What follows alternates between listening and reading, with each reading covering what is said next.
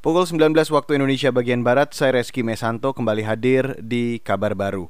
Saudara, pemerintah bakal segera menyiapkan peraturan turunan untuk melengkapi Undang-Undang Cipta Kerja. Hari ini naskah Undang-Undang Cipta Kerja diserahkan DPR ke kantor Sekretariat Negara. Tenaga ahli Kedeputian Kantor Staf Presiden atau KSP, Doni Gahral Adian mengatakan, peraturan turunan akan dibuat setelah naskah Undang-Undang Cipta Kerja ditandatangani Presiden Joko Widodo. Pembuatan peraturan turunan seperti peraturan pemerintah akan melibatkan masyarakat, ormas, dan para ahli. Iya, saya kira langsung peraturan turunannya kan, karena ini kan sudah disahkan DPR dan dia akan berlaku menjadi undang-undang ya, ditangani presiden. Artinya sekarang bekerja untuk menyusun peraturan turunan yang memang akan menjelaskan secara lebih detail apa-apa yang diatur Undang-Undang Cipta Kerja begitu. Ya sesegera mungkin ya, karena kan Presiden bilang tiga bulan. Saya kira eh, apa namanya tim juga sudah mulai bekerja sekarang. Itu tadi tenaga ahli Kedeputian Kantor Staf Presiden Doni Gahral Adian. Hari ini, Sekretariat Jenderal DPR menyerahkan naskah Undang-Undang Cipta Kerja ke Istana melalui Kementerian Sekretaris Negara. Undang-undang itu disahkan DPR pada Senin pekan lalu. Pengesahan RUU Cipta Kerja mendapat penolakan luas dan memicu aksi demonstrasi di berbagai daerah.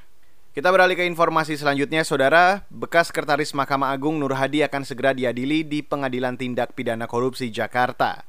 Nur Hadi diduga menerima suap terkait perkara di Mahkamah Agung sebesar 46 miliar rupiah.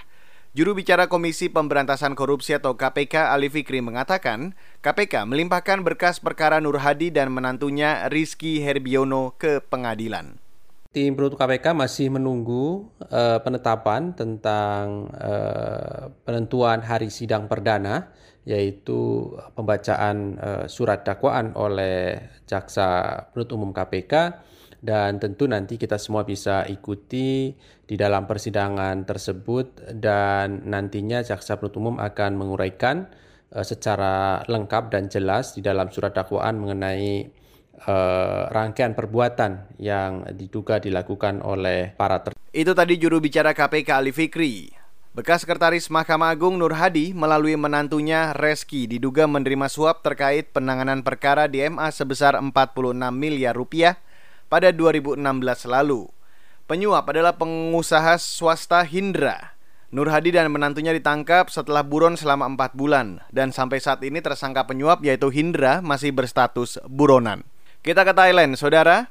Ratusan pengunjuk rasa anti pemerintah Thailand hari ini kembali turun ke jalan menuntut mundurnya Perdana Menteri Prayut Chan-ocha. Aksi ini merupakan lanjutan dari serangkaian aksi menentang pemerintah yang sudah berlangsung selama tiga bulan. Selain menuntut Perdana Menteri mundur, masa juga menuntut pemerintah Thailand menyiapkan konstitusi baru. Mereka juga menuntut reformasi kerajaan yang dianggap memiliki kewenangan berlebihan. Mengutip Reuters, aksi sempat diwarnai bentrokan dengan masa pendukung pemerintah. Aksi anti pemerintah ini menjadi tantangan terbesar pemerintah yang selama ini dikuasai kelompok militer dan kerajaan Thailand. Dan saudara, demikian kabar baru pukul 19, saya Reski Mesanto.